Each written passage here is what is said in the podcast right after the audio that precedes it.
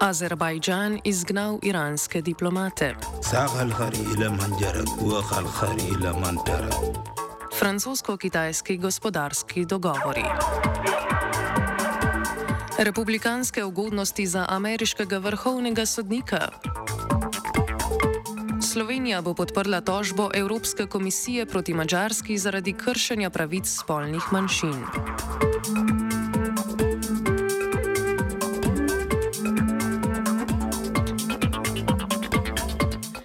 Azerbajdžanske oblasti so izgnale štiri iranske diplomate. Azerbajdžansko zunanje ministrstvo je sporočilo, da so razlog za izgon provokativne akcije Irana in dejavnosti diplomatov, ki niso ustrezale njihovemu diplomatskemu statusu. Pri tem so azerbajdžanske oblasti aretirale, aretirale šest ljudi, za katere trdijo, da so povezani z iranskimi obveščevalnimi službami in naj bi v Azerbajdžanu načrtovali državni udar. Kot trdi azerbajdžansko ministrstvo za zunanje zadeve se je prejšnji teden zgodil poskus atentata na člana parlamenta Fazila Mustafa, ki je Iran v preteklosti označil za teroristično državo. Azerbajdžan je januarja zaprl svoje veleposlaništvo v Teheranu po napadu, ki ga je v poslopju veleposlaništva izvedel zamaskiranec. Ta je ubil vodjo varnostne službe na veleposlaništvu. Minuli teden je Azerbajdžan že odprl veleposlaništvo v Izraelu, Iranovem bližnjem vzhodnem rivalu. Yeah.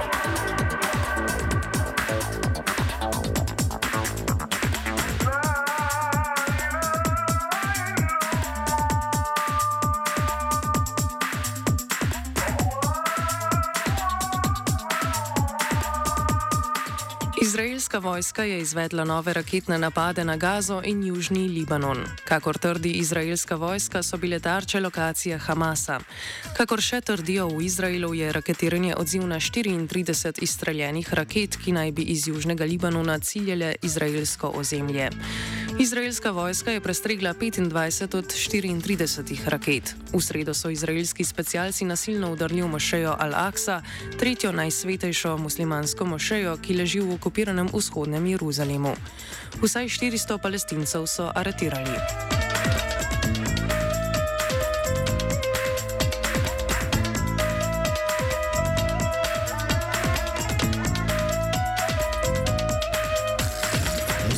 Pakistanska obveščevalna služba je aretirala ustanovitelja in vodjo osvobodilne vojske Belučistana Gulzarja Imama. Pakistanska vojska krivi Belučistansko osvobodilno vojsko za številne teroristične napade v državi. Imama obtožujejo tudi sodelovanje z drugimi protipakistanskimi obveščevalnimi agencijami. Belučistan je plinsko bogata provinca na meji med Afganistanom in Iranom, njena osvobodilna vojska pa se že več kot 20 let trudi za osamosvojitev. Thank you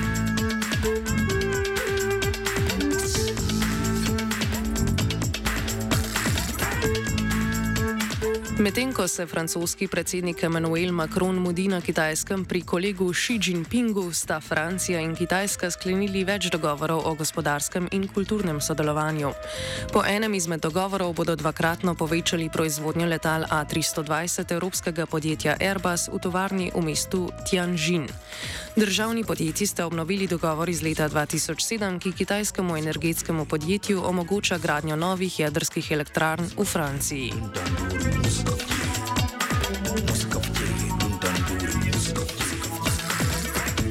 Evropska ljudska stranka je odpovedala srečanje svojih članic, ki bi v Varšavi moralo potekati prihodnji teden.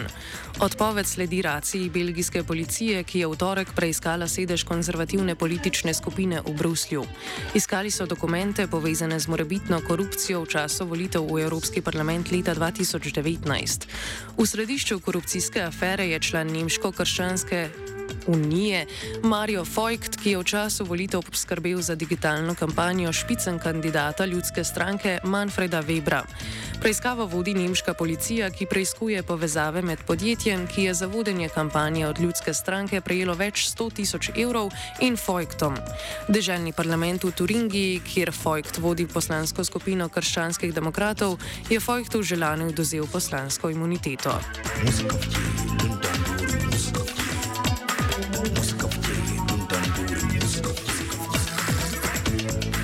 Portugalska vlada je ukinila službo za migracije in nadzor mej oziroma SEF. Delavci SEF-a so v četrtek napovedali petdnevno stavko, ki jo je sindikat že prvi dan preklical z namenom, da se z vlado dogovori o očkodninskih paketih in drugih problemih. Nekdanje naloge službe za migracijo in nadzor mej, kot so mejne kontrole in preiskovanje trgovanja z belim blagom, bodo razdeljene med portugalsko policijo in novonastalo agencijo za manjšine, migracijo in azil.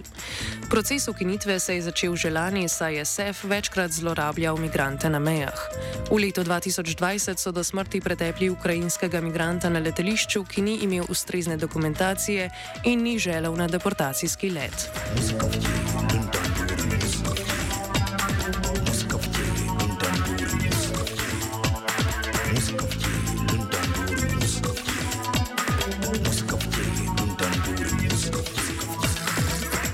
Za konec zunanje političnega pregleda še čez Atlantik. Ameriško vrhovno sodišče je začasno dovolilo transspolnim športnicam tekmovati v ženskih šolskih športih v Zahodnji Virginiji. To bo veljalo, dokler se ne končajo sodni spori glede prepovedi v Zahodnji Virginiji, kjer je Zvezdno sodišče prepovedalo tekmovanje transspolnih športnic v ženskih športnih ekipah. Pritožbo na odločitev sodišča je v imenu 12-letne transpolne deklice vložila Ameriška zveza za državljanske pravice. V Združenih državah Amerike veljajo prepovedi nastopanja v tekmovanjih za transpolne športnike in športnice v 16 republikanskih državah. Med njimi je tudi Kansas, kjer velja prepoved nastopov transpolnih športnic v vseh izobraževalnih ustanovah, prav tako pa veljajo omejitve transpolnih oseb pri uporabi sanitarij.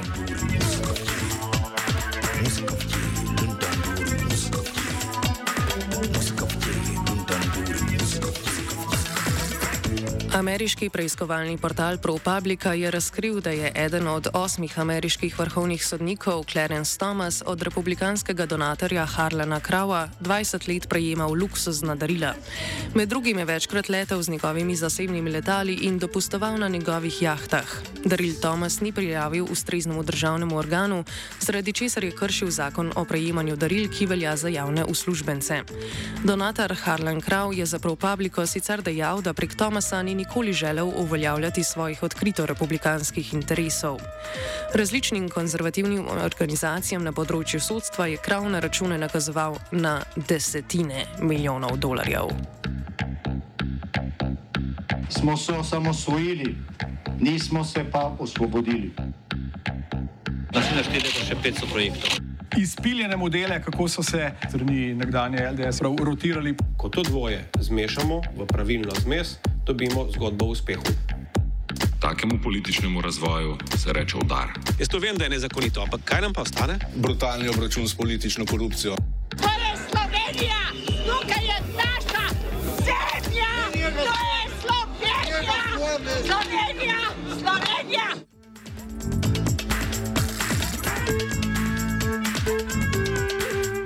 Slovenija bo pristopila k skupinski tožbi Evropske komisije proti Mačarski zaradi diskriminacije LGBT plus skupnosti. Kot je za radio študent pojasnil državni sekretar na Ministrstvu za delo Dan Juvan, je sklep o pridružitvi tožbi sprejela vlada, postopek pa je še v teku.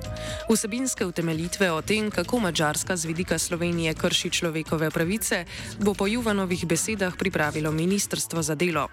Evropski komisiji so se v tožbi pridružili tudi Avstrija, Belgija, Belgija, Danska, Finska, Luksemburg, Malta, Nizozemska, Portugalska, Španija, Švedska in Evropski parlament.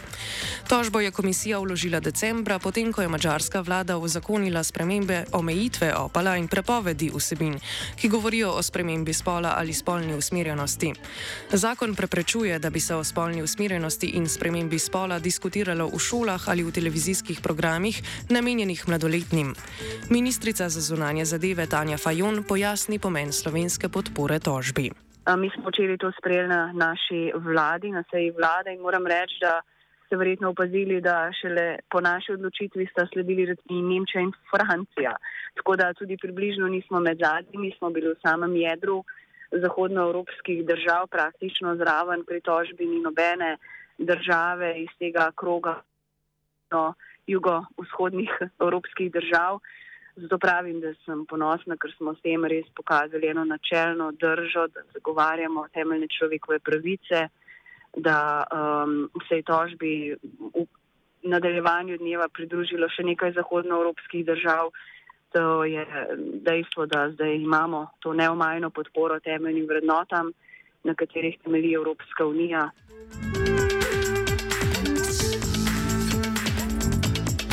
Ministrstvo za zunanje zadeve, ki ga vodi Tanja Fajon, je bilo danes sicer tarča kibernetskega napada, ki pa naj ne bi bil povezan s kandidaturo Slovenije za mesto nestalne članice Varnostnega sveta Združenih narodov. Šlo naj bi za dlje časa trajajočo serijo napadov, o kateri so bile že pred časom obveščene vse pristojne službe.